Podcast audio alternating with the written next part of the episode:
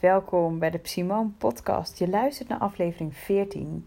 En in deze aflevering staat er weer een interview voor je klaar. Een super inspirerend interview met Florentine Zure. Ehm, zij heeft een aantal jaar geleden een burn-out gehad. En vanuit die burn-out is zij veel beter gaan luisteren naar haar intuïtie. En in dit interview gaan we in op hoe ze dat heeft gedaan. Hoe ze vanuit die diepe connectie met zichzelf ook um, connectie maakte met haar kindje nog voordat ze zwanger was. Dus voor de conceptie. Hoe zij omging met de miskraam die zij vervolgens kreeg.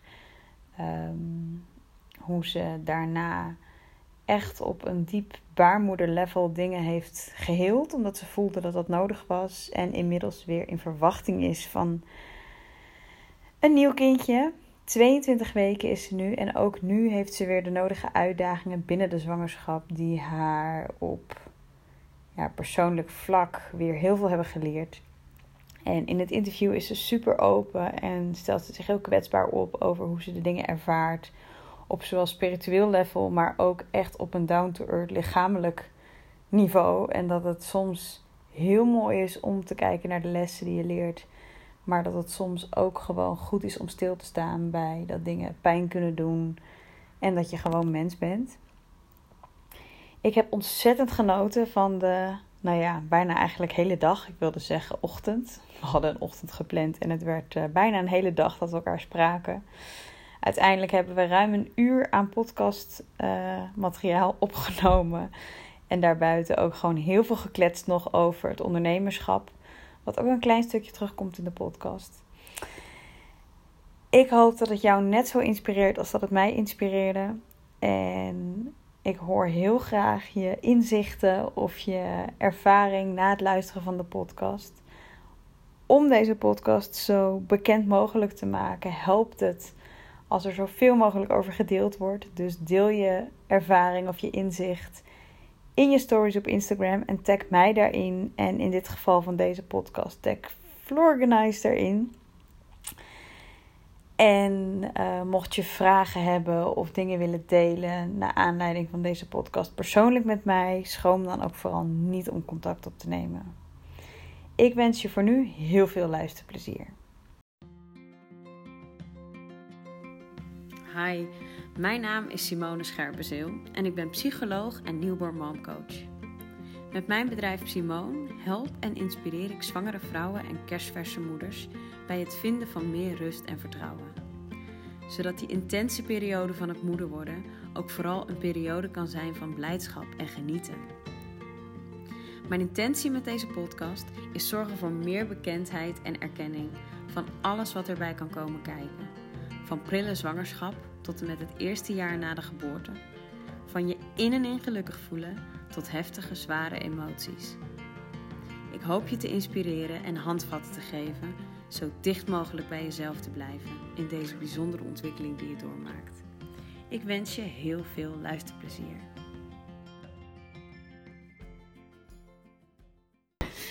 Wij gaan hem lekker aanzetten. Uh, welkom bij weer een nieuwe podcast-aflevering. Ik zei net tegen Florentien, waarbij ik nu aan tafel zit, dat het een beetje awkward is om hem aan te zetten. Omdat we eigenlijk al uh, twee uur lekker zitten te kletsen en koffie aan het drinken zijn. En aan het praten zijn over allerlei moederschaps- en ondernemerschapsdingen.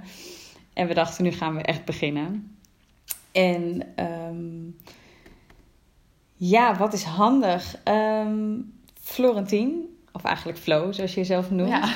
Dus even denken wat leuk is om, om, te beginnen. Want ik dacht net, waar hebben wij elkaar eigenlijk leren kennen? Ik dacht via Instagram, maar wij hebben elkaar natuurlijk bij Marissa leren kennen. Ja. Tijdens een, wat was het? Groepshealing. Groeps, groepshealing. En eigenlijk best wel al een half jaar geleden of zo. En toen een beetje ja. in contact gebleven. Toen had ik maar een oproep geplaatst voor deelname aan de podcast. En toen reageerde jij daarop dat je dat wel heel tof zou vinden.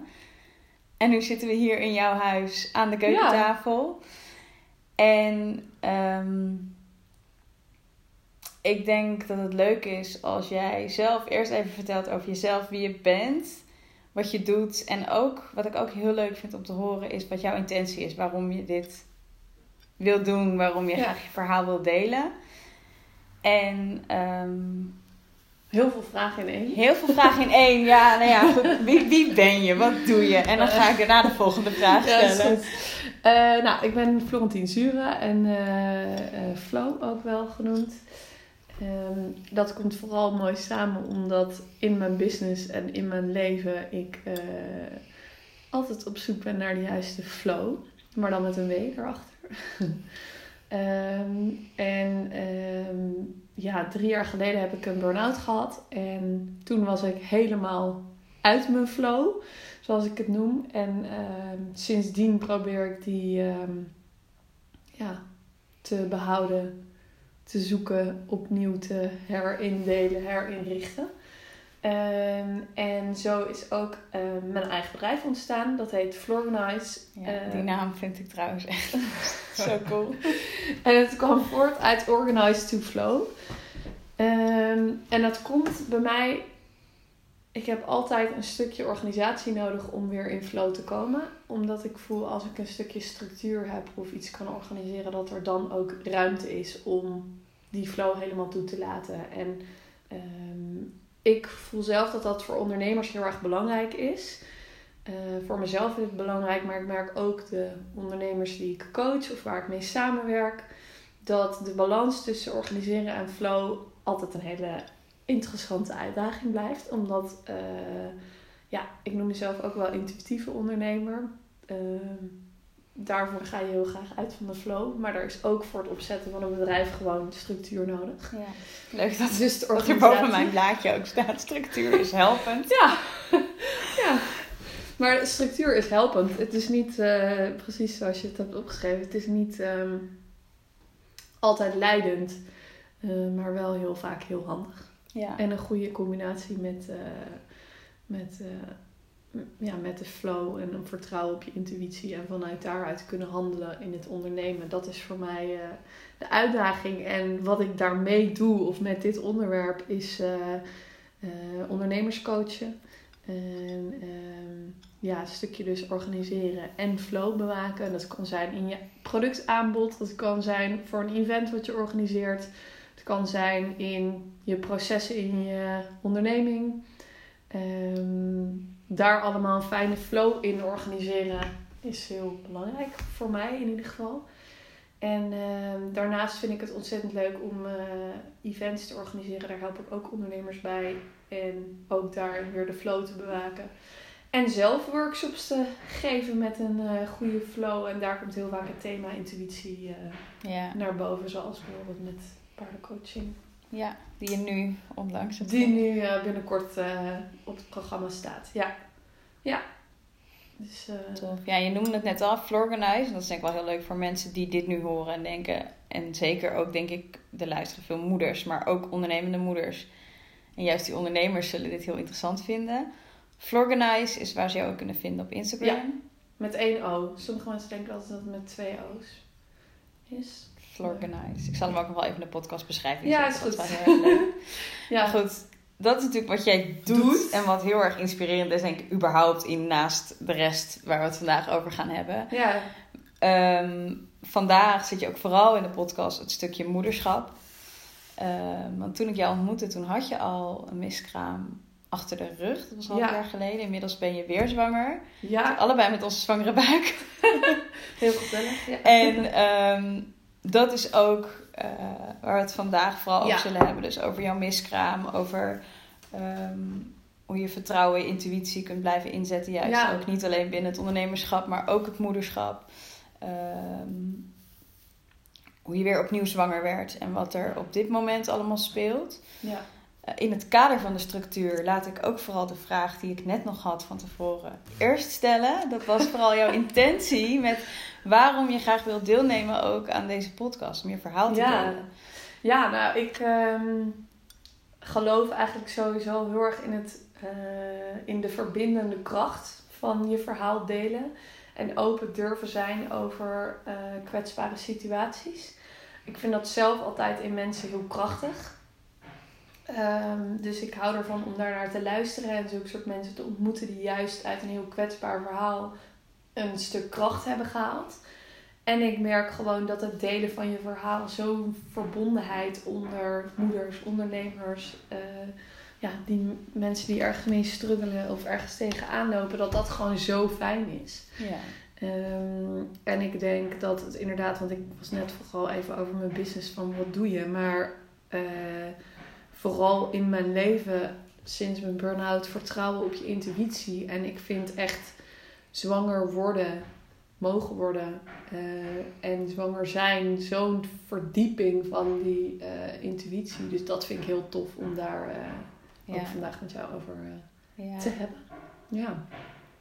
ja, dus echt het delen van je verhaal en verbinden. Ja. Dat is echt wel... Ja, dat is gewoon wat er gebeurt als, als, als je je verhaal deelt. En zo vaak weten we niet wat er speelt bij mensen. Achter hun blije hoofd of hun chagrijnige hoofd kan ook. Je weet het niet. Maar als mensen het delen, dan is er zoveel meer begrip en verbondenheid. Ja, het is wel heel mooi. eh, Want het is wel een van de redenen ook waarom ik die podcast, die podcast, deze podcast Ja. ben begonnen. Dat ik Ja. er zoveel, eigenlijk, er zijn een paar van die cliché taboes, zeg maar. Die er, maar ook gewoon de, de, de kleine dingen in, in het, het, het gewoon zwanger zijn. Waar je dingen kan voelen die nauwelijks bespreekbaar worden. Maar ook als je wel een miskraam hebt gehad. Ja, Tot aan hele heftige dingen. We weten allemaal, weet je, het is goed om erover te praten. Maar ik hoor ook van heel veel vrouwen terug. Ja, maar als er niet naar gevraagd wordt. Of waarom zou je dan je verhaal delen? En er zijn zoveel verhalen. Als ik kijk naar de reacties die ik nu heb gehad op die oproep. Dat er gewoon meer dan 50 vrouwen zeiden. Ik wilde mijn verhaal wel delen. ja, Dat, dat laat ook zien, denk ik, van hoe groot die behoefte is. Om te horen, maar ook om te delen. Het is both ways, zeg maar. ja dat het heel zeker. erg Ja. helend ook kan werken. Ehm, ja, ik denk misschien een beetje in chronologische volgorde wel het mooiste is om, het, om, het, om jouw verhaal zeg Ja. maar in te delen. Dus Is goed. ja, waar begint het voor jou als je het echt kijkt, zeg maar het stukje moederschap? Ja, nou, ehm, ik heb denk ik altijd al wel geweten dat ik moeder wilde worden. Echt als klein meisje al. Ehm, die zorg in me of zo, maar ook zoveel liefde om te geven. Dus ik voelde dat altijd al heel erg. Ehm, maar, nou, ik ben nu 32, bijna in november. Ik dacht even dat ik al 32 was. Nee, grapje. Ehm, Duurt nog heel lang. ik had bedacht dat ik 32 ben als ik zwanger was. Of als ik eh, moeder zou worden. Dus met dat getal in mijn hoofd. Ik ben nu 31. Ehm, maar ik heb een burn-out gekregen toen ik eh, 25 was. En die heeft wel drie jaar geduurd. Dus ik was 28 toen dat een beetje klaar was. Maar ik merkte heel erg dat daar al iets begon te kriebelen van het moederschap. Maar dat ik heel lang daar met mijn hoofd nog niet bij mocht of niet bij kon. Omdat ehm, ja, ik echt dacht, ja, maar ik kan nu nog niet goed voor mezelf zorgen. Dus kan ik dan wel voor een kind zorgen? Eh, eigenlijk allerlei ja, beperkende overtuigingen in mijn, eh, mijn hoofd, mijn ego, of hoe je het ook wil noemen. Had je toen al wel de relatie die je nu ook hebt? Ja. Maar qua Ja. omstandigheden had ja, het ook al dat wel... had zeker gekund. Ja. Ja, ja. Eh, maar ik merkte ook dat mijn vriend daar nog niet helemaal aan toe was. Omdat hij ook zoiets had van ik wil dat jij eerst goed voor jezelf zorgt. En weer helemaal lekker op de rit bent voordat we aan zo'n nieuw avontuur gaan beginnen. Ehm, als het je gegeven mag zijn natuurlijk. En eh, dat allemaal ehm, meegenomen. En was Ehm, het dat, dat je burn-out dat zeg maar naar voren bracht? Dat dat ook wel een soort sluimerende behoefte was? Of als je er nu naar terugkijkt, dat het ook echt wel een behoefte was die je nog onderdrukte? Ik zit ook te denken, heeft het ook, Ja. heeft het ook verband met elkaar? Mm. Vaak is burn-out ook iets wat je, wat je onderdrukt, wat, wat je niet Ja, het was, het was dat je helemaal jezelf kunt zijn. Ik weet niet of het echt het een of het ander is. Maar het is wel inderdaad een goede vraag. Ik denk dat je, voor mij als ik naar mijn burn-out kijk, is dat wel echt de meest transformerende eh, ja, belevenis geweest, zeg maar, of ervaring in mijn leven tot nu toe. Mhm. Ehm, daar gaat natuurlijk nog van alles spannends komen. Ehm, maar ja, dat je daarin meer jezelf wordt. En dat ik die moeder, wat, wat ik al wel in me voelde, hè, ehm, dat dat er meer, ja, meer naar de voorgrond kwam of zo, denk ik. En ook gezien de leeftijd. En was dat meer na verloop je burn-out weer afnam? Dat je meer ruimte kreeg om weer te voelen? Ja, ik ging meer voelen. Maar ik heb Was het door je burn-out dat je dat ging beseffen, zeg maar? Dus naarmate dat vorderde en Nee, het dat niet. ging? Nee. Het was al meteen... Het was meer gewoon ook door mijn leeftijd en zo. Dat ik dacht, ja, ik ben nu 28. eh, ik zou het wel heel leuk vinden. Je weet niet hoe snel het gaat. Je weet niet wat er nog allemaal mis kan gaan.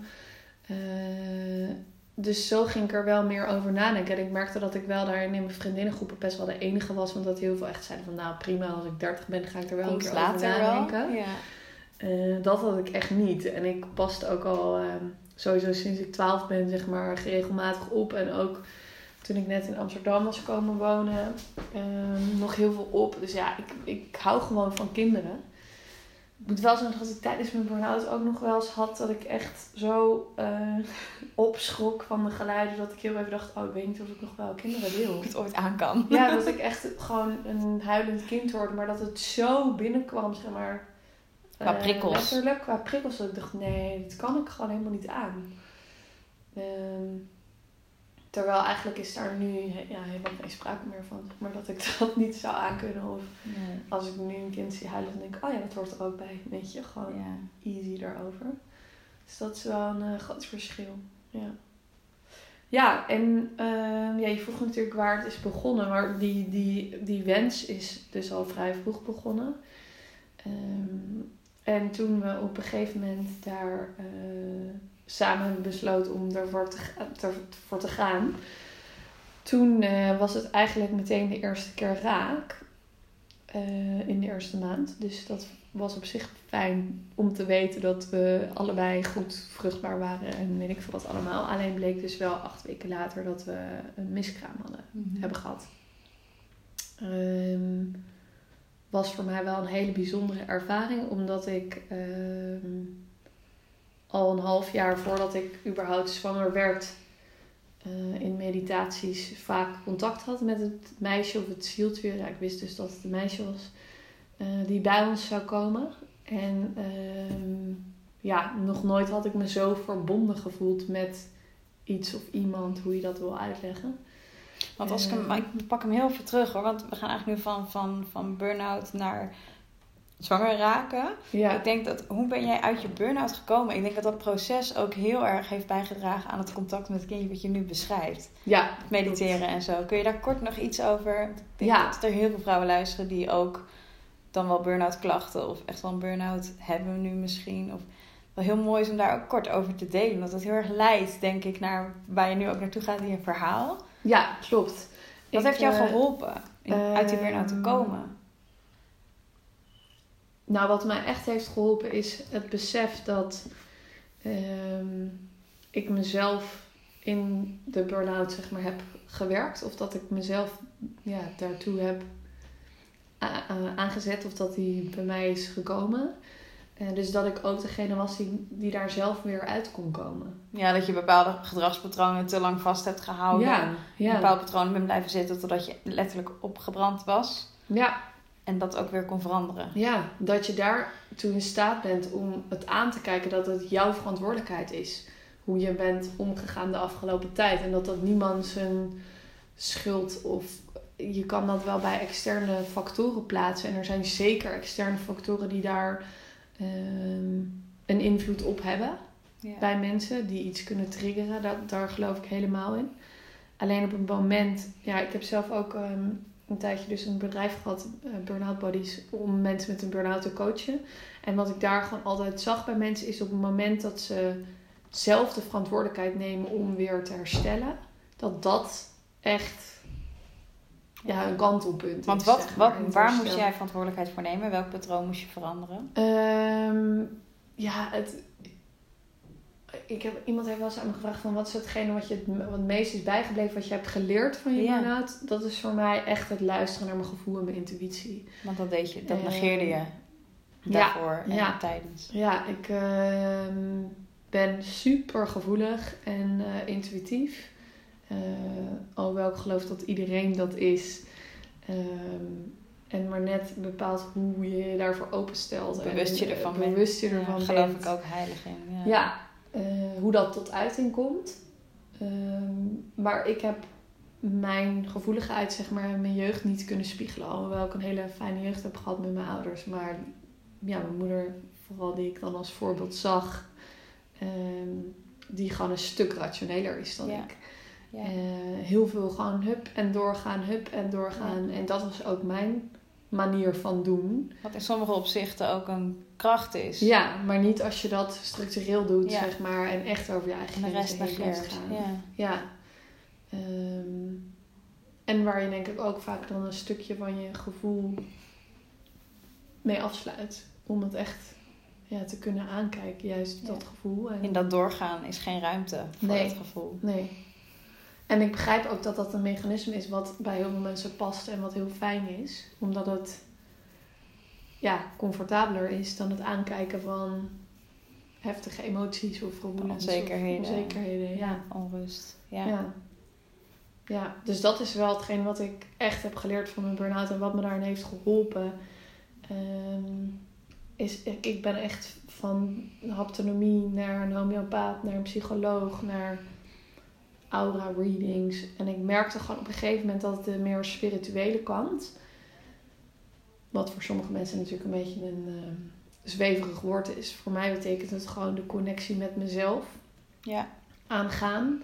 En ehm, de verbondenheid van alle mensen en alle energie die er is. Ja. Ehm, en die kwamen bij mij echt, of daar mocht iets tot leven komen bij mij. Ja. In de healings en in de aura readingen die ik deed. En ik merkte dat dat zoveel eh, losmaakte. Waardoor ik zoveel heb kunnen verwerken van heftige dingen uit je verleden. Of heftige emoties waar ik geen eh, handen en voeten aan kon geven. Of waar ik mijn draai niet in kon vinden. En zo dat ik dat allemaal echt heb kunnen verwerken. En die, die drukte eigenlijk steeds weer werden weggeduwd. Ja. Dus onbewust eigenlijk. Ja, Die nu de ruimte kregen door die burn-out. Je moest Ja. wel... ja. Echt Ja. door al die lagen heen. Ja. En echt naar een stuk lichter leven, zeg maar. Verlichter. ja. Ja. En heb je dus heel veel met anderen gedaan, zeg je. Ik ben echt bij verschillende mensen geweest. Nou, Ja. We hebben dan die, die bij Marissa bijvoorbeeld, Ja. groepshealingen. Ja. Ehm, en ook zelf dus het mediteren heel erg Oh. opgepakt. Ook als bruggetje, weet je wat je net zei over die meditaties met Ja. je kindje wat nog geboren moest Ja. worden. Want ik denk dat steeds meer mensen, en ik merk ook gewoon, ik denk ook de vrouwen die naar de podcast luisteren, dan wel of aan het begin staan van ontdekken wat meditatie überhaupt is. En dat het eigenlijk Ja. best wel prettig is. En dat er nog een hele grote brug zit tussen leren mediteren en mindful leven naar ook echt dingen ervaren in je meditatie. ja, Er zit nog ook een groot stuk beoefening in, denk ik. zeker, ja. Ja, en ik denk ook dat er wordt gewoon zonder af te doen aan de kracht van meditatie. Maar het is in mijn beleving niet iets wat iets kan fixen. Dus het is niet van, oh, ik ga mediteren en dan komt van alles wel goed. Nee. Dat is het niet. Ehm, het is voor mij zachter kunnen kijken naar je gedachten. Zachter kunnen kijken naar wat er bij je opkomt. En daar met meer mildheid op kunnen reageren. Ja, echt observeren. Ja, ja. En ehm, ja, dus dat mediteren heeft me daar heel erg geholpen. Maar dat is niet zo dat je een week gaat zitten en iedere ochtend dat doet en dat het dan in één keer goed is of zo. Zo werkt het natuurlijk niet. Ik merkte echt na maanden meditatie pas dat ik echt met meer afstand naar dingen kon kijken en me minder liet meeslepen door de emoties en gedachten en overtuigingen die ik had. Ehm, ja, door er wat milder naar te kijken. Ja. Ja, En in die meditaties kreeg je ook op een gegeven moment het contact. Ontstond dat, het contact met het kindje? Of ging je daar Ja. naar op zoek bijvoorbeeld? Of hoe, ja hoe ik is weet dat dus niet meer zo goed hoe dat, hoe dat is gegaan, maar het was... ehm, Was dat nadat je had uitgesproken met je vriend van nou, we gaan er nu voor? Of was dat daarvoor? Nee, dat was al daarvoor. Ja, nee, dat was al daarvoor. Van oké, hoe, hoe zou een kindje er dan uitzien? Maar ik moet wel zeggen dat ik op een gegeven moment ehm, qua, qua meditaties, je hebt natuurlijk gewoon de gewone meditaties, gewoon noem ik het maar even de meditaties, gewoon op ademhaling gestuurd zijn. Dus die gewoon echt gaan over focus op je ademhaling. De En daardoor gedachten Ja. en zo dus wat losser kunnen zien, wat we net al zeiden. En je hebt natuurlijk echt begeleide meditaties, die guided meditations, ehm, die ook meer ja, richting een soort hypnose bijna gaan. Ja. En die heb ik ook wel Visualisaties. gedaan. Ja. Ja. visualisaties inderdaad. En eh, ja, echt gewoon op YouTube heel veel eh, dingen met fijne muziek op de achtergrond. En daar merkte ik eigenlijk dat ik steeds meer een ja, hoger bewustzijn kwam in die meditaties. En daar is op een gegeven moment dat meisje aan mij verschenen. Hoe zeg je dat? Ja. Voorbij gekomen. Ik vind het soms zelf ook een beetje gek om erover te praten. Maar ehm, ja, dat kwam daar ineens. Dat ik dacht, oh wow, wauw, wat tof. En ehm, ja, steeds meer kon ik daar dan makkelijker op intunen. Omdat ik wist dat het bestond of dat het er was. En ik denk dat dat voor mij ook echt, echt meditatie is nog om ons toevoeging te geven van dat het als jij gaat mediteren in de hoop dat je iets gaat zien of in de hoop dat er iets gaat komen of dat je iets gaat voelen, dan gebeurt dat Dan komt sowieso niet, dan blokkeer je dat. Ja. en dat het echt gaat om je open durven te stellen voor wat gaat er komen en de overgave aan het moment of zo. ja. Ja, Dus dat was de periode, zeg maar, voordat je zwanger raakte. ja, Toen raakte je zwanger. ja. Nou, dan denk ik dat je gewoon blij bent. Ja, ik was heel blij. Ja. En ook al bij de, bij de bevruchting, zeg maar. Ik wist gewoon welke keer het was dat het... Ja, dat ik voelde echt de Het moment aanwezigheid. van de conceptie, Ja, zeg maar. ja. Mooi, ja. ja, dat het echt die keer was. Ik weet niet eens meer of het een beetje een dinsdagavond of een woensdagavond, whatever. Dat weet ik niet meer. Maar Nee. gewoon dat gevoel van dat moment weet ik nog heel goed. Ja, ja. dus... eh, ja, ik, ik weet wel dat ik... Dat is wel mooi om denk ik te vertellen. Dat als ik daar achteraf op terugkijk, dat... ehm, door, ik had mijn spiraal eruit gehaald. En ehm, dat is natuurlijk een logische stap als je, als je zwanger uh, baby wil proberen ja, te raken. Ehm, maar ik had daardoor een super onregelmatige cyclus. Dus ik wist helemaal niet wanneer ik, geen idee wanneer ik ongesteld zou worden of hoe dat eruit zag. En de ene keer was het 34 en de andere keer 28 dagen. Dus er was ook geen pijl op te trekken, zeg maar, wanneer ik vruchtbaar werd, ehm, zou zijn, welke dagen. Geen structuur. Nee. Maar het ging helemaal niet goed in mijn hoofd. Want ik wilde weten wanneer het was. Want ik wilde dit. Heel graag. Een soort obsessief bijna eh, daarmee bezig geweest. Ehm, echt. Ja, Had je dat op het moment ook in de gaten? eh, Dat je daar zo mee bezig was? Ik vraag dit omdat ik dit ook herken. Ja, nou wel, wel van met ovulatietesten. Van oh, vandaag, oké, eh, weet je wel, eh, oh, het is vandaag nog, weet je wel. We, we moeten nog vandaag. bij wijze van spreken. Terwijl dan gaat natuurlijk ook wel de lol en de intimiteit en de seksualiteit gaat daar wel Ja. een beetje van af. Dan wordt het een soort proces. Moeten. Ja. Ja, uiteindelijk is, zijn we daardoor wel zwanger geworden. Dus ehm, Want hoeveel maanden duurde dat? Van het moment dat je dacht, nou nu haal ik mijn spiraal eruit en we gaan ervoor. Tot dan dat je daadwerkelijk zwanger was? Mij twee of zo, of drie. Ja. Want eerst was ik niet ongesteld geworden, dus ik moest ongesteld worden. Oh ja, en toen daarna was, de maand daarna was het zo. Dus ja. heel snel eigenlijk, ja. Ik nog wel, Kiki duurde net acht maanden bij mij. Ja, Dat ik ook de eerste maand dacht, oh dit is normaal. Dat ik niet gelijk zwanger ben. De Ja. tweede maand is ook nog normaal. De derde maand werd ik ongeduldig. ja dan ga En dan ga je er op een gegeven moment aan- een beetje aan vasthouden. En dan ga je tegen jezelf zeggen... eh, ja, maar het is ook normaal als het een jaar duurt. Maar dat is echt je mind. Want je bent er wel mee bezig. Ja, Tot een vriendin van mij zei... maar je bent er te veel mee bezig. En ik zei, nou, ik heb zo'n app. Maar verder... ja, ja. ja ik heb die app verwijderd. En een maand later was ik zwanger. Ja, dat je het is- loslaat of Ja, zo. echt het loslaten. Ja. ja, en ik vind het ook, ik kan niet achteraf zeggen van, oh, ehm, dat de miskraam daardoor is gekomen. Dat kan voor mij niet. Alleen als ik daarop terugkijk wat ik daarin heb kunnen leren daarna, in die maanden daarna, is wel echt precies wat jij zegt. Zo'n stuk nog meer loslaten.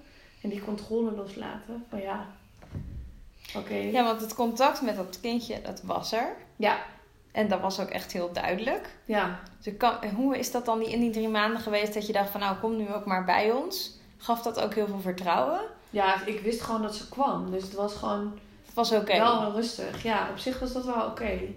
Maar het contact was wel zo, zo intens. Of ja, zo echt. Ja. Zeg maar, het voelde al zo dichtbij. Ehm, ja. En toen het, maar ja, ik vond het moeilijker toen het dus wegging. Hoe heb je die miskraam toen ervaren? Heb je dat ook gevoeld? Dat dat, Ja, ja, ja. dat het eraan kwam? ehm, Of? Nou, ik was echt voordat de test, ehm, voordat je hebt de datum dat je de test kan doen. Vier weken?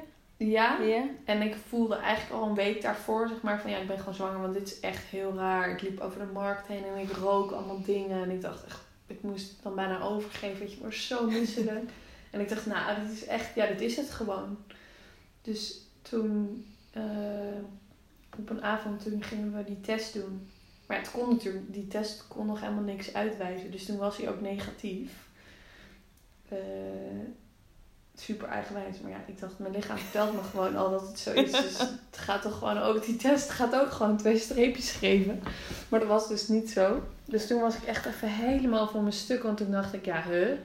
Maar dit is raar, want het is toch echt zo. Of maak ik het mezelf wijs? Ga je dat je achteraan denken? Ja. Ja, je ratio gaat het overnemen. Dan. Ja, dan ga je echt twijfelen aan je intuïtie, inderdaad, wat je zegt. Dat was het. Toen een week gewacht. Nou, en toen was de test dus wel, wel positief. maar eh, ja, ik weet eigenlijk niet meer wat ik, wat ik dan wil zeggen. Nou ja, het was hoe je de miskraam hebt beleefd. Of je die voelde Oh, ja. aankomen. Nou ja, als ik terugkijk, Voelde dan was ik dus wel, zeg maar, de dagen voor die miskraam was ik al niet meer misselijk. Dus iets van twee, drie dagen, zeg maar, was ik niet misselijk. En ehm, toevallig waren we, eh, was ik met mijn vriend een weekendje weg naar Den Haag. En ik was zo emotioneel dat hele weekend. En nou ja, ik dacht het kan van de zwangerschap komen. Maar het was voor mijn gevoel achteraf, terugkijkend, zeg maar, kan ik verklaren dat het... Ja, het was gewoon over de top, zeg maar, emotioneel. Ik ging naar de Lion King en ik heb geloof ik acht keer gehaald bij die musical. oh, echt bij minuut één al. Toen ging echt hek open, een soort van de dam open. Toen hield het niet meer op. Ehm, maar ja, dus ja, nee, achteraf kan ik het wel, ja, kan ik het wel plaatsen. Eh, maar op dat moment zelf ervaarde ik het niet, omdat ik ook dacht, ja, je kan ook misschien nog niet alles voelen of wel. Of, Nee, dat wist ook ik nieuw. gewoon Heel veel dingen Ja. zijn ook nieuw. Ja, ja. Dat was het ook, ja. Ja. Ja. En ehm, ja, uiteindelijk de daadwerkelijke miskraam zelf was gewoon bij mij toen ik naar het toilet ging dat ik bloed had. Ja. Ehm, ik deed mee aan Moeders voor Moeders.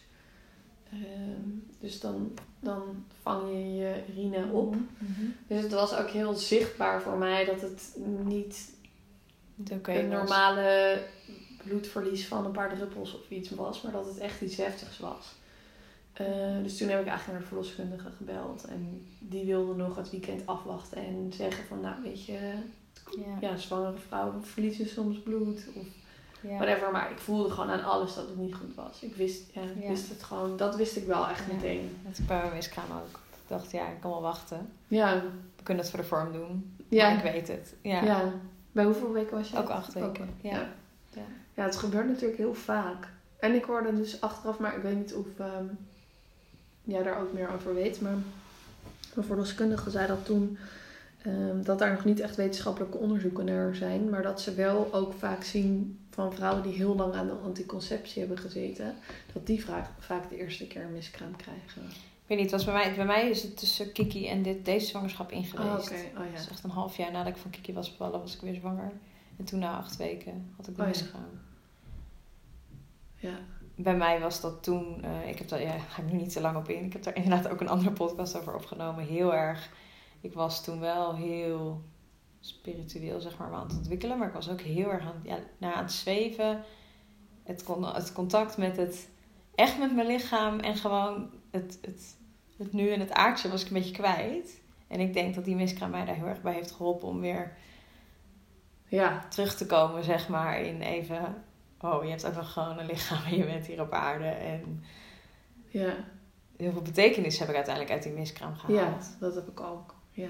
Wat is bij jou, wat heb jij eruit gehaald uiteindelijk? Of Nou ja, dus wat ik net al zei. Dat je hebt natuurlijk je lichamelijke ervaring, die is gewoon Ja. heel heftig en dat is gewoon heel verdrietig. Ja. Of hoe, hoe heb jij dat, dat Nou ja, ik vond, ik vond de lichamelijke ervaring... had ik ook niet bedacht dat het zo heftig zou zijn. Maar ik heb wel echt... eh, ja, twee, drie dagen... Nou, misschien wel langer eigenlijk. Ik weet niet. Maar gewoon echt alleen maar op de bank kunnen liggen. En zo die intense krampen, zeg maar, gevoeld. Dus ik vond dat wel echt heftig.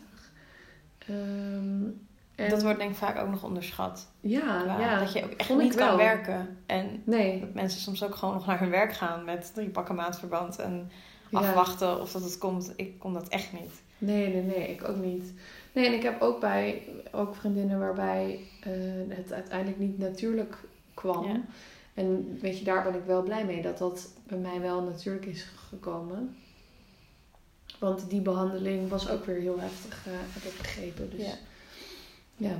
dus op zich, dat, eh, dat, dat was dus het lichamelijke stuk. Maar dat ehm, mentale stuk, en voor mij dan nog het spirituele stuk, die connectie met dat meisje van komt zij ooit nog terug Ja. of niet? Eh, en had je die connectie ook nog toen je eenmaal zwanger was? Ja, Voor ja, de eerste ja. acht weken? Ja, ja.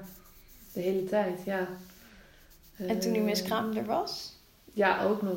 Dat bleef echt nog wel iets van... eh, ik denk iets van drie weken of zo, een maand. En toen zat ik op een gegeven moment in mijn yogaklasje. En toen deden we een bepaalde beweging. Ik weet niet meer wat. Maar toen overviel het me gewoon in één keer van... Oh, zij komt niet meer. Zij is niet... Zeg maar, als ik weer een kindje krijg, dan is zij het niet. Nee. En dat voelde ik zo sterk. En toen barstte ik echt Maar bijna nog een heftiger afscheid Ja. dan het fysieke. Ja, voor mij wel. Ja. ja, dat was echt heel heftig. En ik heb toen zelfs tegen mijn ouders gezegd... op een gegeven moment... nou, voor mij is het zo heftig geweest. Dit, dit afscheid is voor mij heftiger dan het afscheid van mijn opa en oma bijvoorbeeld. En toen keek mijn moeder me echt aan van... wat? Weet je wel, van huh? Maar daar was je zo verdrietig over. Ik zei ja, maar... Kijk, opa en oma's zijn oud. En die Ja. weet je Dat hoort die zo, weggaan of of zo. zo. Ja. Die weet je dat die op een gegeven moment weggaan. Maar dit was, een, dit was mijn toekomst. Een stuk van mijn toekomst wat in één keer wegviel of zo. Ja. Echt. En dat, dat heeft me heel erg geraakt toen. Ehm, En toen in meditaties daarna verscheen zij ook niet meer. En, Nee. En, nee. Nee. En nu eh, wel weer af en toe. Dus nu voel ik het wel. En ik voel ook heel erg de connectie tussen haar en eh, het zoontje wat ik nu krijg. Ehm, dus ja, ja dat, nee, die is er wel, maar anders. ja. Niet meer zo, eh, zo, zo intens. Ja. Want en toen heeft, jij zei net, het heeft me toen heel erg geleerd om eh, los te laten. Die miskraam heeft mij echt wel. Het was, het was nodig, zei je bijna, om te leren loslaten. Ja, nou, het is, dat is natuurlijk. Ik vind het moeilijk om te zeggen van, oh, dat is, dat is de, de reden geweest dat het is gebeurd. Dat zou nee, meer voor zeggen. jou, voor jou. Wat Maar heeft het voor jou voor betekenis Ja. gehad? Daar gaat het om, denk ik. Achteraf is het echt die, dat stuk van die controle los te laten. Van je weet gewoon niet wanneer het komt en wanneer het wel of niet gebeurt. Ehm, zorg maar gewoon dat je, dat je lichaam weer oké is. En dat je in connectie bent met je lichaam en weer dat intuïtie eigenlijk. En dat heeft het me echt gebracht. Want ik heb in die maanden daarna heb ik echt gewoon ja, mijn beste business maanden. eh, Zit hier in je te schoppen. de beste business maanden zeg maar gedraaid. Ja, sinds ik ben begonnen met ondernemen. Dus ehm, Omdat dat intuïtieve stuk zo naar boven. ja, het was zo connected of zo. Ik voelde me zo. ehm, ja, hoe kan ik dat zeggen? Aligned met mijn intuïtie. Zo Ja, dicht bij jezelf. Je zo dicht bij mezelf en zo precies wat ik wilde doen, wat ik voelde. En misschien is dat wel wat jij zegt, dat ik aan de ene kant natuurlijk die connectie met dat meisje had, dat spirituele connectie of de inspiratie connectie, of hoe je het wil noemen. En aan de andere kant het aardse van het meemaken van zo'n miskraam en wat je lijf letterlijk doet en dat dat in balans is. Ja, je moet luisteren naar je lichaam. Ja, Het ja. enige dat schreeuwt echt op dat Ja. moment. En er gebeurt ook zoveel in je lichaam dat je het niet kunt negeren. Ja, Dat je überhaupt een lichaam hebt. ja, Ja. ja. dat is zeker zo. Ja, Je moet voor je lijf zorgen. Want wat, ik denk dat jij dat ook wel hebt gevoeld. Dat je daarna, je hebt wel die hormonen. ja, Je hebt wel gewoon, ja, letterlijk. Nou ja, ik, ik had dan al wel de ervaring van een kind op de wereld zetten. En Ja. vervolgens een, een miskraam, ja, een vruchtje geboren laten worden. Zo heb ik het eigenlijk ook ervaren. Er is wel iets uit jou gekomen, weet je wel. ja, En dat is wel een proces wat je ook weer moet afsluiten. Ook lichamelijk. Niet alleen emotioneel Mm. en in loslaten, maar ook gewoon weer herstellen. En ja, dat je daarin ook heel snel jezelf voorbij kan lopen. Omdat je denkt, nou ja, ik heb geen dikke buik gehad. Ik ben niet meer zwanger. Ik ga weer door. ja, echt, ik heb toen ervaren dat ik echt heel moe was in die periode daarna. En echt op de rem moest trappen. En echt voor mezelf weer moest leren zorgen. ja. Ja, ik weet, ik weet niet of dat dan bij mij een soort van automatisch ging of zo. Want het voelde dus zo goed. Ja, Ehm, en ik zei ook daarna, want het was... Wanneer ben ik nou zwanger geraakt? Ik ben er altijd zo moeilijk met die data en maanden. Maar dus nu. weer vrij snel daarna natuurlijk weer zwanger geraakt. Maar ik zei ook steeds tegen mezelf en tegen anderen. Ik had deze drie maanden met mezelf qua learnings echt niet willen missen. Want wanneer heb jij je miskraam gehad? Ik dacht November vorig jaar. Ja. En je bent nu 22 weken. Dus ik ben... Dus dat is zeg maar vier maanden ongeveer. Vier en een halve maand. Je bent nu Ja. over de helft. Ja. Eh, het is nu... eh, we kunnen wel even rekenen hoor. Het is augustus, juli, juni, mei, april. Ben je ergens rond maart, april weer zwanger Ja. geraakt. Ja, Dus je hebt een maand of vier ertussenin gehad. ja. Ja, dus dat was eigenlijk heel snel. Maar die maanden had ik nooit willen missen in wat ik daar nu Nee. heb geleerd en heb ervaren. En ja, Want dan, om die brug ook te maken, zeg maar, je hebt die ervaring gehad met het contact met haar. Je hebt een miskraam meegemaakt. Je bent weer helemaal into gewoon je business. Je gaat lekker. Had je toen op echt op het moment dat je heel bewust weer ervoor koos om zwanger te raken, had je die behoefte gelijk weer? Of is dat gewoon ontstaan? Hoe is het? Ik denk dat... Nou, de behoefte voor mij was niet echt weg, denk ik. Maar wel het verwerken van. Weet je, het is niet Ja, eh, het de tijd dag erna dat je denkt, oh nou, we gaan weer. Dat helemaal niet. Maar wel de behoefte, die bleef wel. Die is niet weggegaan. Ehm, maar wat voor mij wel belangrijk was, was dat ik ook daarin heel erg naar mijn intuïtie en mijn lichaam heb geluisterd. Omdat ik gewoon wel voelde dat, ondanks dat het met mijn business en zo heel goed ging, dat ik wel voelde onderliggend, ja, of onderbewust, dat ik met dit lichaam geen kindje kon ontvangen. En dat was iets heel geks, omdat ik dacht, hè, maar ik weet dat ik dat kan en ik wil dat. En ik heb geen idee wat ik daarmee moet. Dat was meer een soort dieper weten. Niet, niet zozeer Ja. angst. Nee, nee, geen angst. Het was geen angst. Het was gewoon meer. eh, ja, ik weet niet of jij dat ook herkent. Dat je op het momenten dat je naar Marissa bent geweest, zo'n energy healing, dat je voelt van, oh, ik moet daar even iets mee. Mhm. Zeg maar zoiets, er is nog iets te helen of er is nog Wat het dan precies is, weet je niet. Ja. Maar je voelt wel dat er iets te doen is, ja. Ja. En toen kwam er bij mij. ehm, ja, ik zit even te denken of ik dat. Ja, dat is op zich wel leuk om te vertellen. Maar ik was met ehm, een vriendin van mijn schoonouders. Die komt daar altijd aanwaaien. En die was ook met carnaval daar. En eh, we hadden leuk gecarnavald. En eh, s ochtends, de volgende ochtend aan het ontbijt, kwam zij daar binnenlopen. En zij vroeg aan mij: Hey Floor, hoe is het met jou? Eh, en ik voelde dat ik helemaal tegen haar over die miskraam wilde gaan vertellen. Maar ik had haar helemaal niet verteld dat, ze, dat we zwanger waren. Ik wist helemaal niks. En ik dacht, oké, dit is heel raar. Want we zitten gewoon aan zo'n carnavalsontbijt. Dus het is echt niet het moment om we daar even lekker over miskramen gaan praten. Ja, maar ik heb wel een hele mooie connectie met haar. En ehm, ja, zij is ook gewoon een soort ja, healer, of hoe je het wil noemen. Ehm, spiritueel bewust persoon, laat ik het zo noemen. En ehm, zij, eh, toen kreeg ik in de week erna kreeg ik nog drie keer zo'n soort van ingeving van ja, maar ik moet haar bellen, ik moet haar bellen. Of een contact sturen of iets. En toen deed ik dat. En toen zei ze, ja is goed, ik wil je wel, eh, ik wil je wel helpen. Want ik had haar gewoon een bericht gestuurd van ik heb het gevoel dat jij me ergens mee kan helpen. Kunnen we afspreken als ik volgend weekend weer in Brabant ben. Dus ehm, zij is daar eigenlijk heel positief op ingegaan. En toen, ehm, ja, is er in die sessie zoveel bijzonders gebeurd. Want zij gaf letterlijk aan dat er in mijn baarmoeder nog. eh, ja, dat het al geen liefdesnest was nu. Dus dat het ook geen warm nest was voor een kindje om in te komen. En ehm, Dat voelde zij. ja, en zij gaf aan dat dat nog kwam door, of nog kwam, maar dat, dat ze nog ook in mijn bekkenbodemgebied aan de achterkant dan vooral eh, voelde uit mijn eerdere relatie.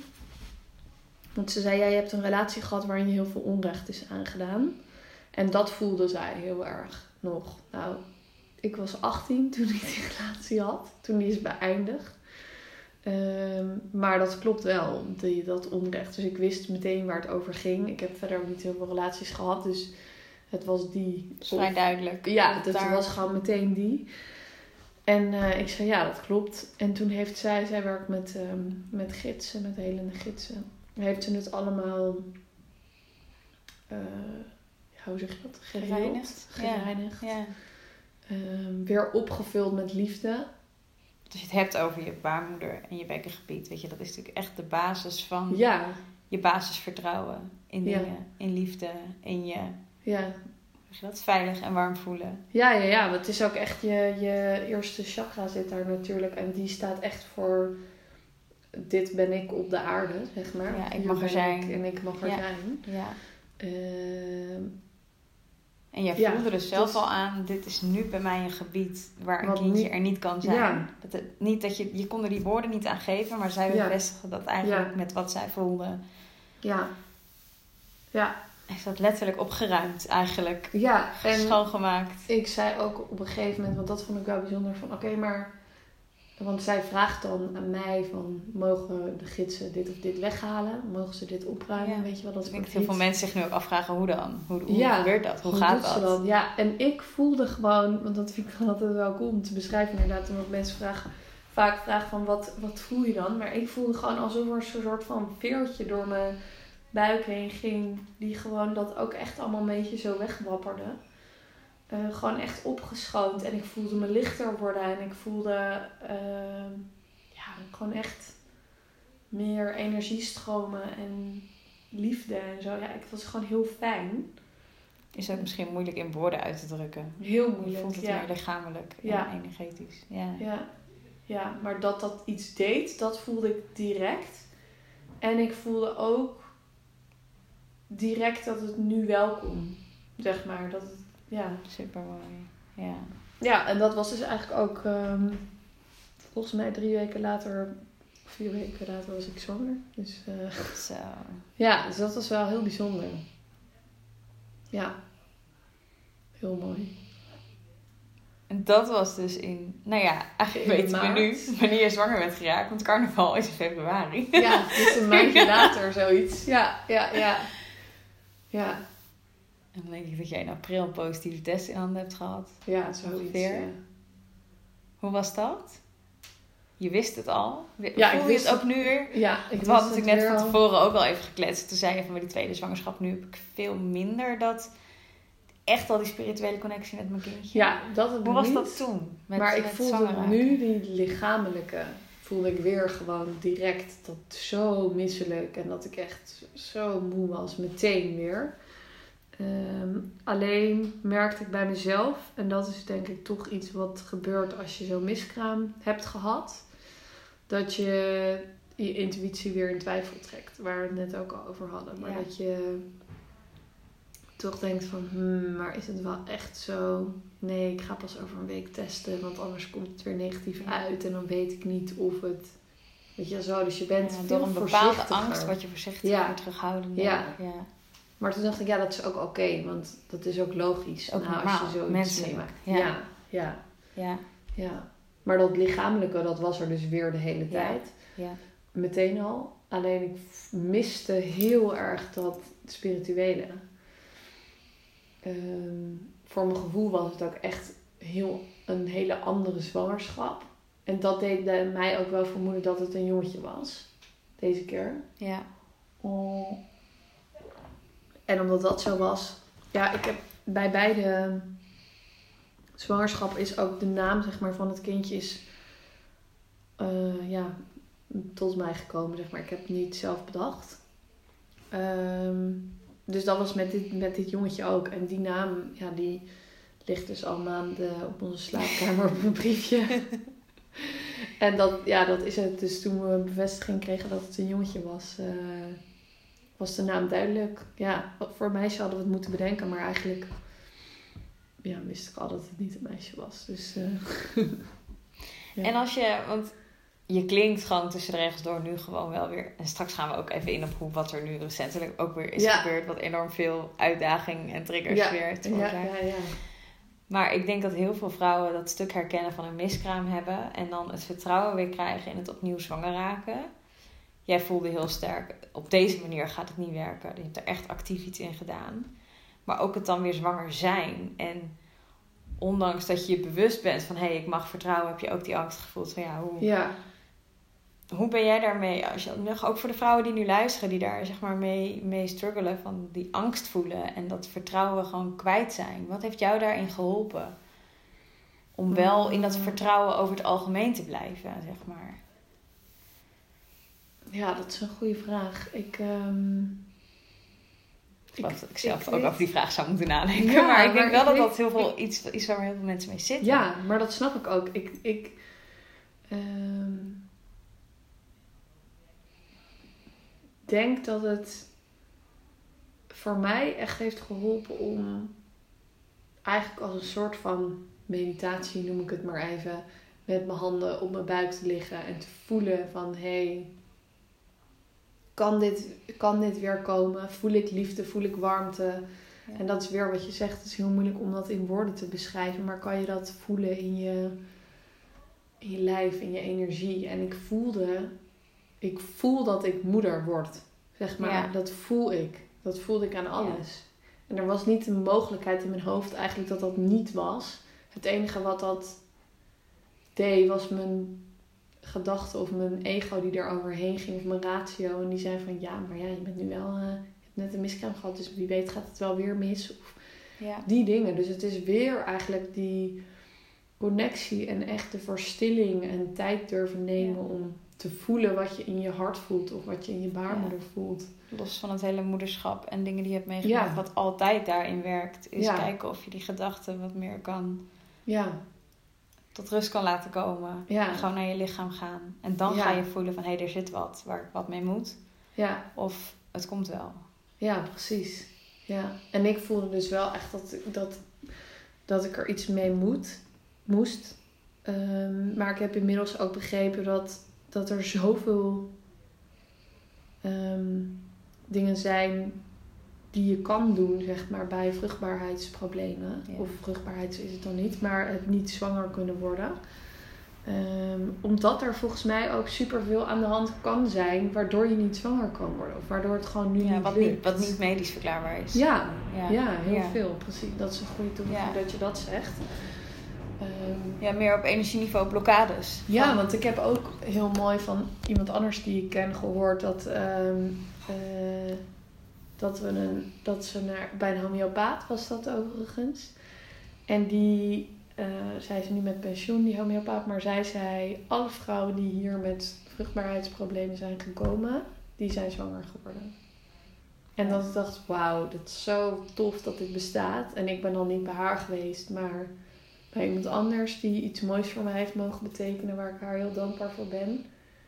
En mijn moeder die had weer gehoord dat bij een acupunctuurkliniek, dat ook, dat eh, volgens mij zei ze 70% van de vrouwen die daar komen, komen met vruchtbaarheidsproblemen ja. of niet zwanger kunnen worden. Ja, er zijn gewoon zoveel dingen die we niet weten of waar we geen weet van hebben.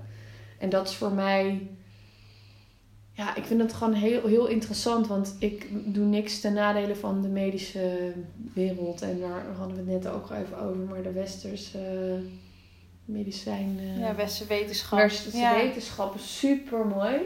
Wat daar allemaal al in, in, in is ontwikkeld. Alleen ik geloof wel heel erg dat we echt maar 4 of 5 procent zeg maar, van onze hersenen gebruiken voor wat er allemaal is. Ja. En dat we zoveel dingen nog niet weten en kunnen zien en niet kunnen overzien. Niet... Ja. Ja, en wat ik denk in de. Want ik heb ook wel een aantal vrouwen gecoacht die dus bijvoorbeeld een kinderwens hebben en in de medische molen zitten. Wat het heel erg triggert is. Je gaat daar, ja, je gaat daar zo op controle. Of zeg Ja. maar, alles wordt in de controle. Je gaat dit controleren, je gaat dat controleren. Je krijgt allerlei dingen die precies Ja. zouden moeten sturen en dan nog lukt het niet. Terwijl vaak de les hem zit, bij jou en mij bijvoorbeeld, allebei bij de miskraam was, de les zit hem in het loslaten. Ja, ja. En wat je daar, alles wat je doet, alles behalve wat je doet, is loslaten. Ja. Je gaat enorm in die controle zitten. Ja. Wel eens denken, het is supergoed dat er ook medische hulpmiddelen zijn. Maar daarnaast dus, wat jij heel mooi vertelt, op zoek gaan naar... Ja, wat betekent het eigenlijk voor mij? Wat mag ik hiervan leren? ja. En als je dat op een dieper niveau... je dat? Integreert? Ja. Ehm, kan Ja. het goede woord niet vinden. Je eigen maakt, zeg maar. Mhm. Dan komt er ook op een ander level ruimte voor een kindje. Ja, het is, ja, ik vind het echt, het is sowieso eigenlijk een van mijn lievelingsvragen gewoon in het leven. Van wat kan ik hiervan leren? Ja. En dat is ook een soort van gewenning om die vraag aan jezelf te stellen. Want voor heel veel moeilijke dingen is het het makkelijkst om de schuld bij iets anders te leggen. ja. Of bij bijvoorbeeld Bij een medische burn-out verklaring. Een, ja, van wat is, ja weet je wel, maar wat kan ik hiervan leren? Wat heb ik hier aan? Ja. Of wat mag mijn les Wat wil het mij zijn? vertellen? Ja, ja. en ja, als je dat kan, dan heb je volgens mij echt een succesrecept voor het leven, zeg maar. Want Ja. dan kan je ook alles zien als een les. Net als wat ik zei, van ik zal nooit zeggen, oh, dit is de oorzaak geweest waardoor ik een miskraam heb gehad. Maar als ik erop terugkijk en de maanden die het mij daarna nog heeft gegeven, dan had ik het niet willen missen. Nee. En dat geldt ook voor mijn burn-out, zeg maar. Wat ik daarvan heb mogen leren, Ja. ja, had ik ook voor geen goud willen missen. Nee. En dat, ja, daarom hou ik heel erg van die vraag: van wat kan ik hiervan leren? Wat mag ik hiervan Ja, en dan is denk ik moeder worden in combinatie met alle hormonale processen, met alle, het maakt het gewoon heel intens. Dat zijn hele intense lessen in het moederschap of in het nog niet moeder, of zeg je dat het niet lukt om zwanger te raken. Ja. Het is super een intense les. ja, Het is wel even wat anders dan een bekeuring krijgen en denken Tuurlijk. wat wil me het vertellen, zeg maar. tuurlijk, tuurlijk, tuurlijk. Maar daardoor Ja. groei je wel ook echt op een heel diep niveau. Ja, en ik vind het ook belangrijk om daarbij te zeggen dat dat helemaal niet altijd meteen lukt. Nee. Ik bedoel, bij mij, burn-out, ben ik daar, eh, weet ik veel, eh, twee jaar mee bezig geweest voordat ik die vraag überhaupt aan mezelf kon stellen. Ja. Omdat ik zo in de molen zat en de pijn van het Proces. heftige leren, Ja. zeg maar. Dat je pas achteraf kan denken vaak. Ja, en net als dat je iets moois uit een miskraam kan halen, betekent niet dat je er niet emotioneel over bent. Nee, Of dat je dat nee. ineens aan de kant zet. Of dat je daarna een week overheen stapt zo. Nou, Oh, dat ja, was dit, was de les. Nee. Ik heb er ook een enorm mooie les uit gehaald. En laatst vroeg mijn broertje, daarna moest ik ineens weer huilen. Dat ik ook dacht, hè, maar ik had het toch verwerkt? Ja. Ja. Maar het blijft wel iets intens. Dat mag er ook zijn, die Ja. emotie. Of dat je soms even het vertrouwen kwijt bent na een miskraam en weer zwanger bent. En denkt, mijn eerste echo van mijn nieuwe zwangerschap was ik ook gespannen. Terwijl ik maar wilde vertellen, nee, heb vertrouwen, heb vertrouwen. Maar natuurlijk ben je gespannen als je zoiets hebt meegemaakt. Dat is ook wel logisch. Ja, maar ik denk dat de vraag van wat is de les, dat allemaal niet wegneemt.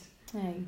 Dat, dat blijft Ja. allemaal. Alle emoties die je ervaart, de gedachten, de zorgen die je hebt, Ja. het vertrouwen wel of niet, of de angst. Dat blijft allemaal. Alleen de vraag helpt je om iets meer ehm, het holistisch te kunnen bekijken. Ja.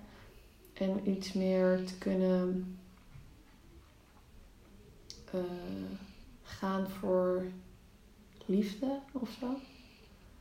Ja. Nu, nu zeg je eigenlijk twee woorden die mij doen denken aan, aan de post die ik dus ook gisteren weer doordeelde op mijn Instagram. Over, Oh. over je huidige situatie, je huidige Ja. zwangerschap, je Ja, huidige ja. zoontje. Ehm, kun je daar eens over vertellen hoe dat...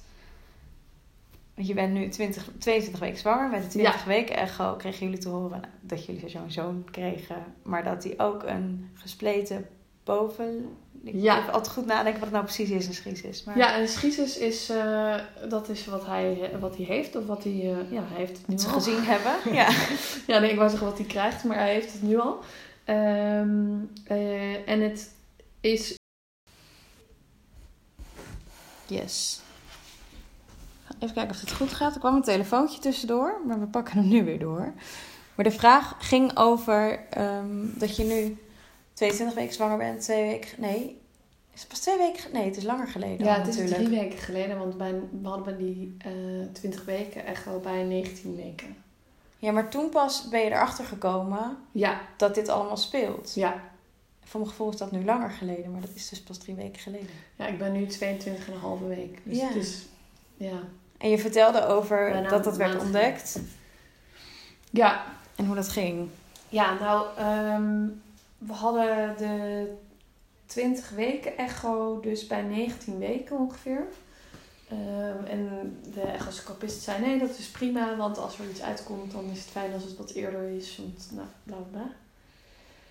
Ehm, en wat jij net ook al zei, soms ben je natuurlijk gewoon best wel zenuwachtig voor een echo. Maar we hadden eh, in Italië op vakantie een on- auto-ongeluk gehad. En eh, nou ja, op zich was ik gewoon helemaal oké daaruit gekomen. Maar terug in Nederland, overleg met de verloskundige, wilde ze toch nog eventjes dat ik naar de VU kwam voor een onderzoek. Dus eigenlijk hadden we bij 18,5 week, zeg maar, hadden we een echo gehad. Ook even in de VU en bloed prikken en weet ik veel wat allemaal. En toen zei ze eigenlijk, hele korte echo, maar oh, alles ziet er super uit, prima. Ehm, dus een week later, als je dan naar de echo gaat, heb je niet het idee dat er opeens iets niet oké gaat zijn. Nee. Maar dat was wel echt achteraf, daar hebben Thij- Thijs, eh, mijn vriend en ik het vaker over gehad, dat gewoon de zwaarte van zo'n 20 weken echo mij niet helemaal duidelijk was. Ehm, en Wat er allemaal onderzocht wordt. En Ja. Zo. ja. wel van, oh, het wordt een langere echo en weet ik veel. Maar wat dat nog allemaal kon betekenen, daar hadden we niet zodanig zeg maar bij stilgestaan. En ook terugkijkend, ja, is het door die echoscopist niet helemaal goed ingeleid, zeg maar. Dus dat zou ik wel willen meegeven aan iedereen, van wees je daar gewoon echt bewust van. Van dat het echt een ander soort echo is dan de echo's die je daarvoor hebt. Ja. Die Heel veel gaan ook het geslacht en ja, een pret-echo. Dat ze natuurlijk zeggen, nou, dit is niet voor de pret. Dit is gewoon echt serious business eigenlijk. ja. ja, ja, ja, ja. Ehm, maar ja, wij kwamen daar en een half uur lang was het eigenlijk alleen maar eh, duimen omhoog. Alles zag er super goed uit. Dus het hard foto's maken. Nou, ja, de meeste vrouwen weten hoe het gaat. Ehm, totdat we eigenlijk als laatste bij het hoofdje kwamen. En toen ehm, eh, sprak dus de echoscopist uit dat ze het vermoeden had dat eh, ons kind een schizus had. En dat is een lipspleet en een KKG montenspleet. Ehm ik weet nog dat ze het uitsprak en dat ik gewoon een soort elektrische schok door mijn lichaam heen voelde gaan. En ehm, gek genoeg had Thijs dat precies hetzelfde, maar dat bespraken we later pas toen we Mhm. thuis kwamen. En ehm, zij vroeg aan ons: Ja, willen jullie dat we nu hier nog het onderzoek afmaken? Want het vervolgprocedure is dat jullie naar het ziekenhuis gaan om verder onderzoek te doen. En daar kunnen ze het hele onderzoek uitgebreid gaan ze sowieso nog een keer doen. Dus wij dachten echt, nou, ik weet niet wat me overkomt. Ik heb geen Eerst idee. even laten ik landen gewoon überhaupt. naar huis. Ja. Ja, ik dacht ook, naar huis klinkt wel even fijn voor nu. ja. Ehm, en ik weet ook nog dat ze tegen mij zei van... Ja, maar je mag gewoon even huilen. Laat alles er maar uit. Maar Nu, pas. daar was ik helemaal niet. Ik Nee. was gewoon in volledige shock. Ja.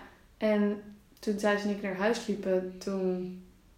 Het is hier gelukkig om de hoek, maar... Toen kwamen we thuis en toen moesten we allebei eigenlijk heel erg huilen. Maar ook juist doordat we zo'n onzekerheid hadden. En niet wisten van wat is er nu? En wat, wat zijn nu de volgende stappen? En wat Ja. kunnen we doen? Ehm, ja, wat betekent het ook voor de algehele gezondheid? En dat Ja. soort dingen lijkt me ook. je, weet, echt- je weet gewoon niet wat het, de impact is. Nee. En ehm, nou, toen gingen we, heb ik s'avonds wel nog meteen de verloskundige gebeld. Omdat ik voelde dat ik nou, gewoon echt wel heel erg overstuur was. En juist door die onzekerheid van, wat, maar wat nu dan? Wat Ja. is dit? Wat is nou tegen ons verteld en wat, wat gaan we nu doen?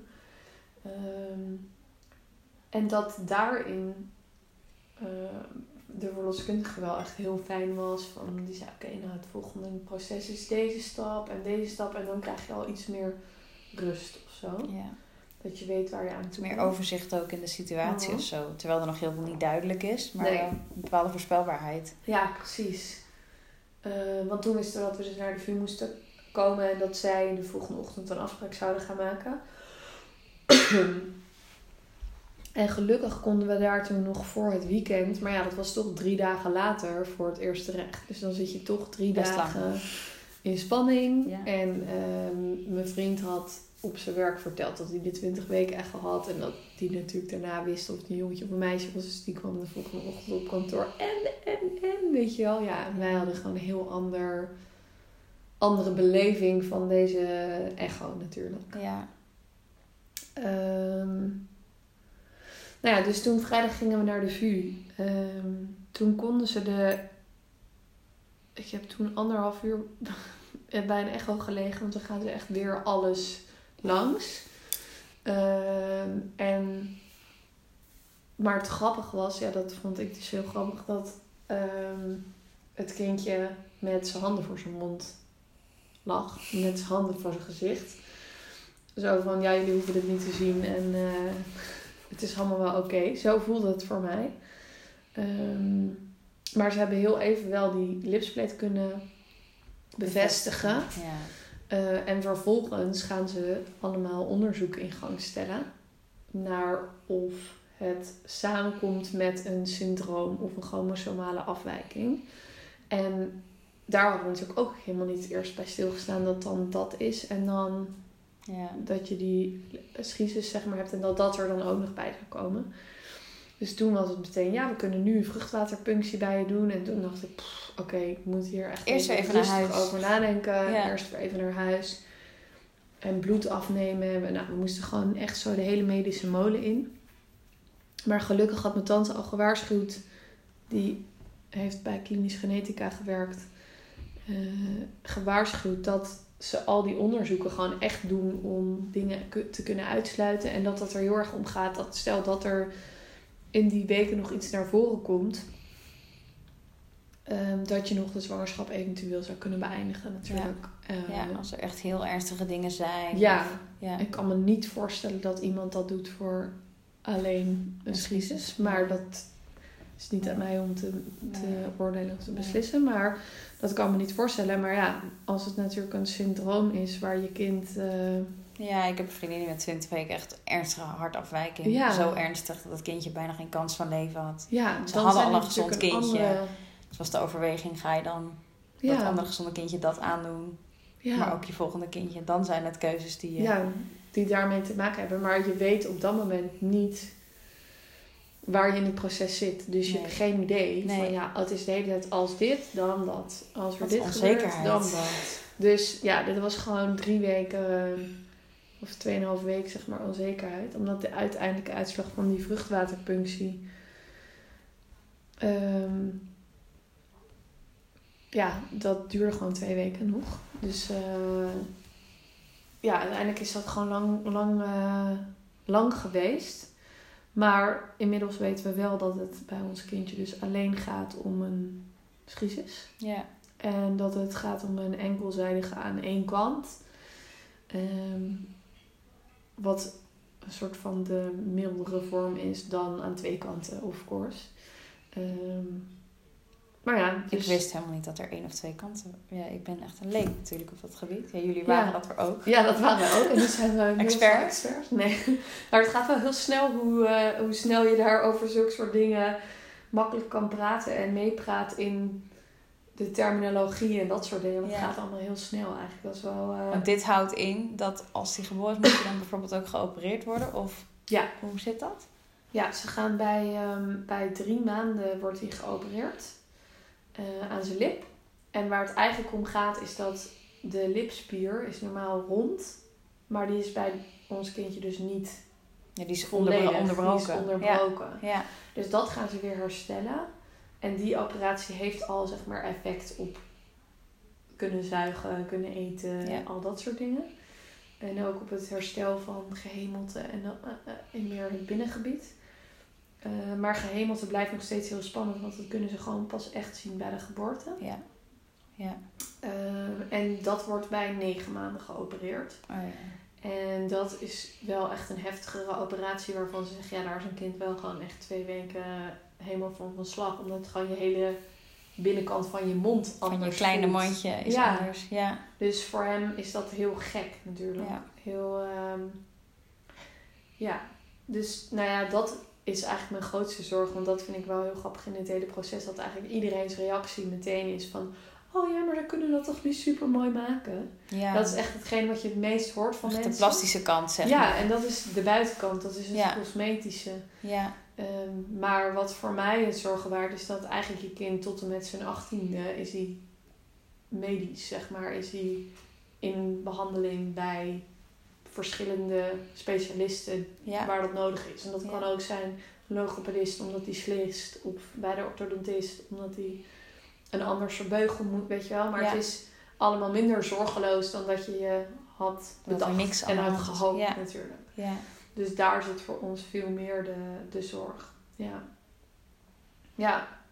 Dus eh, ja, dat waren heftige weken. Maar ik merk ook dat het nu... En dat hadden ze ook wel in het ziekenhuis gezegd. Dat het ook als je uit die onderzoeken bent... Ik hoef nu tot 30 weken hoef ik helemaal niks. Eh, net als eigenlijk de gewone Ja, zorg. qua af en toe naar je. Ja. verloskundige. Maar niks meer qua eh, dingen. En mijn 30 weken echo die is dan in de VU in plaats van bij de echoscopist om de hoek. Ja. Eh, en verder is het tot aan de bevalling is het ook gewoon weer normaal. En ja, Ja. Dus dat het ook weer een beetje gaat liggen. Ja. Ja, Ja, en vaak is het ook wel even, even na die storm dat het juist ook even binnen kan komen. Ja dat, dat is ook gebeurd. Eh, dat had ik heel erg voor het weekend. Dat ik eigenlijk al een week zoiets had van, oh, het is wel weer een beetje normaal geworden. Ja. Maar ik kon eigenlijk alleen maar slapen. Ik, Heel moe. Ja, lichamelijk kwam er echt nog van alles uit. Een soort Ja. van dat je toch even twee weken of zo, drie weken even aan hebt gestaan. Ja, zeg je maar. bent wel alert natuurlijk Ja, ook. Je moet ja. regelen. Ja. Of in ieder geval, je moet heel veel verwerken. Ja. Ja, dus dat... ehm, Dus dat dan ook weer accepteren en toelaten. Ja. En, eh, ja. Ja, maar daarbij geniet ik wel heel erg van het ondernemen. Dat dat kan. ja. Dat ik nu Die vrijheid heb om die momenten te nemen in rust. Om te verwerken. Ehm, want afleiding is ook lekker. ja. Maar ja, ik heb wel die momenten nodig om Ja. ja, het toe te kunnen laten. Ja. Ja. ja, je schreef daar ook heel mooi over, vond ik. Van, eh, dat je het holistisch benaderen ook van de situatie nu. Ja, Kun je daar nog... Want ik heb ook het, je, je zegt er niet heel veel over, maar het klinkt echt alsof jullie heel erg samen ook hierin ja, staan. Jij met je vriend. Dat het echt wel heel erg...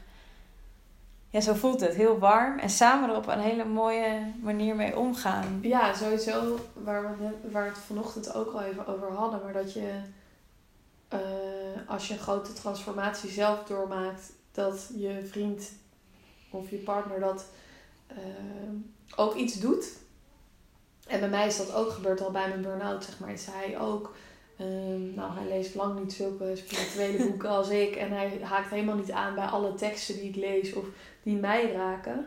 Alleen er is bij hem wel ook in persoonlijke en spirituele ontwikkeling iets in gang gezet. En hij kan heel goed met mij daarover praten en wij samen dus Ja. dingen verwerken. En ehm, ja, ook hierin was voor mij heel snel, oké, maar wat is onze les hierin, weet je wel? Van, Ja. Ik voel heel sterk dat dit kindje ons heeft uitgekozen als zijn ouders. Dus dat wij dit ook kunnen dragen. En dat dit iets heel moois gaat brengen eh, Ja. in ons leven. Maar ook dat hij, ehm, zonder hem nu een soort van stempel op te drukken of het heel zwaar te maken, maar dat er voor hem een les in zit om hoe je omgaat met ja, een handicap of een Ja. wat Fysiek anders wat wordt zijn gezien dan als een gebrek, bij wijze van spreken. Ja. Eh, om daar op een andere manier mee om te gaan. Want, nou, ik kan wel een voorbeeld doen, maar ik had echt de eerste dagen nadat we dit te horen hadden gekregen, zag ik dan kindjes op straat en dan dacht ik, oh, je hebt echt zo'n perfect gezicht. Met dan in mijn achterhoofd, ja, ons kindje heeft straks geen perfect gezicht. En toen dacht ik meteen daarna, dacht ik, hè, maar dat is helemaal niet waar. Hoezo heeft hij geen perfect gezicht? Ja. Want hij heeft Het is niet wat je gewend bent te zien. Nee, maar het is niet, voor mij niet minder perfect. Want hij is zoals hij is. Ja. En als je ook denkt aan, eh, dat is ook grappig, hoe mensen zeggen van, nou ja, Jan-Jaap van der Wal natuurlijk, die dit ook heeft, die is super succesvol.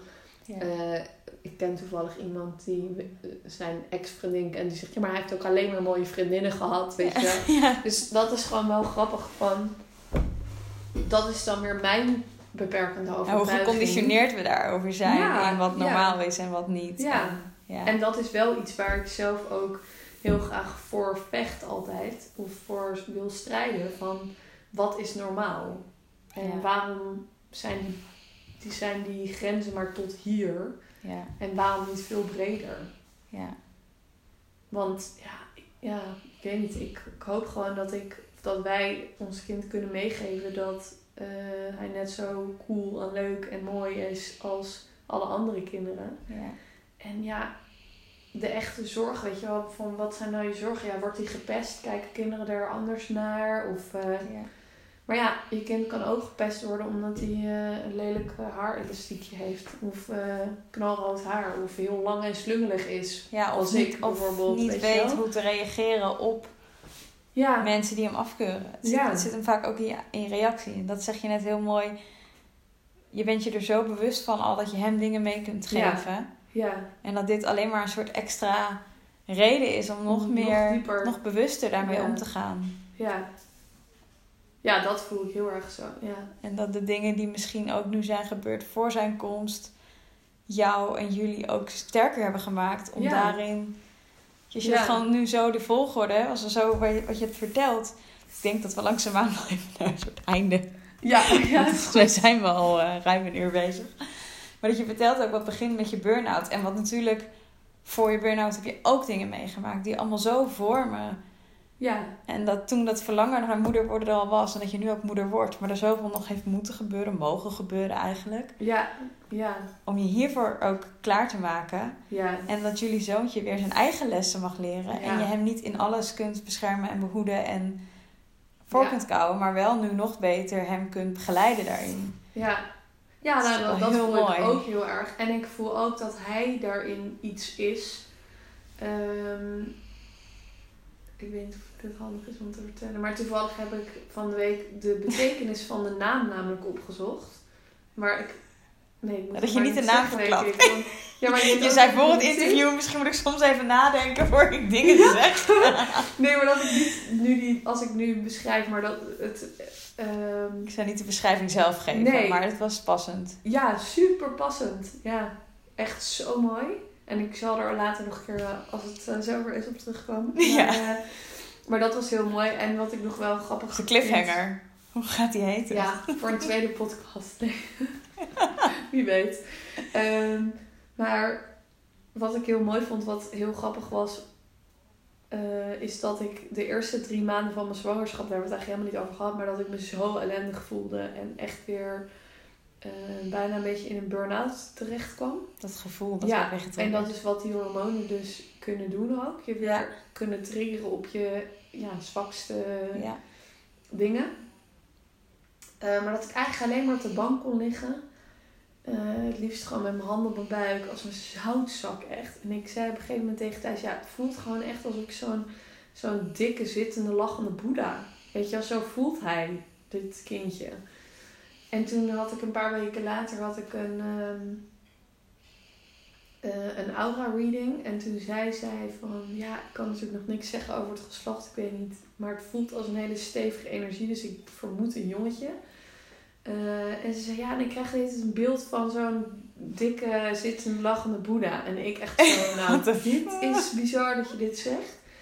En hij heeft dus, behalve op de laatste echo, maar op alle andere tussenliggende echo's lag hij met zijn be- benen in kleermakers shit.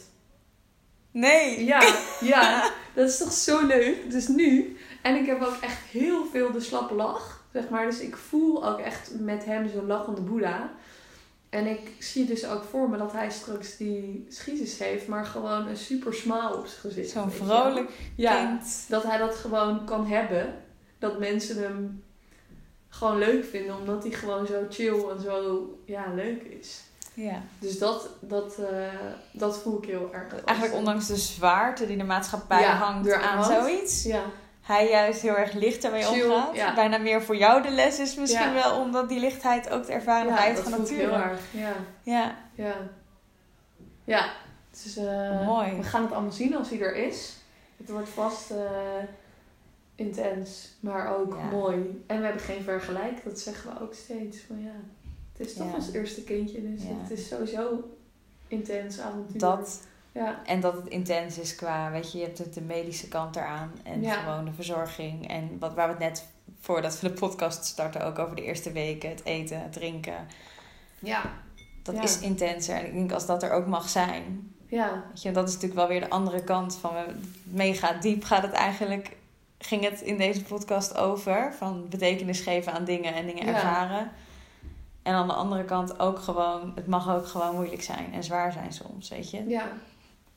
Ja, Überhaupt, het moederschap, zwanger zijn is soms gewoon pittig. ja, Dat zal dit ook zijn. En soms wel wat extra. ja.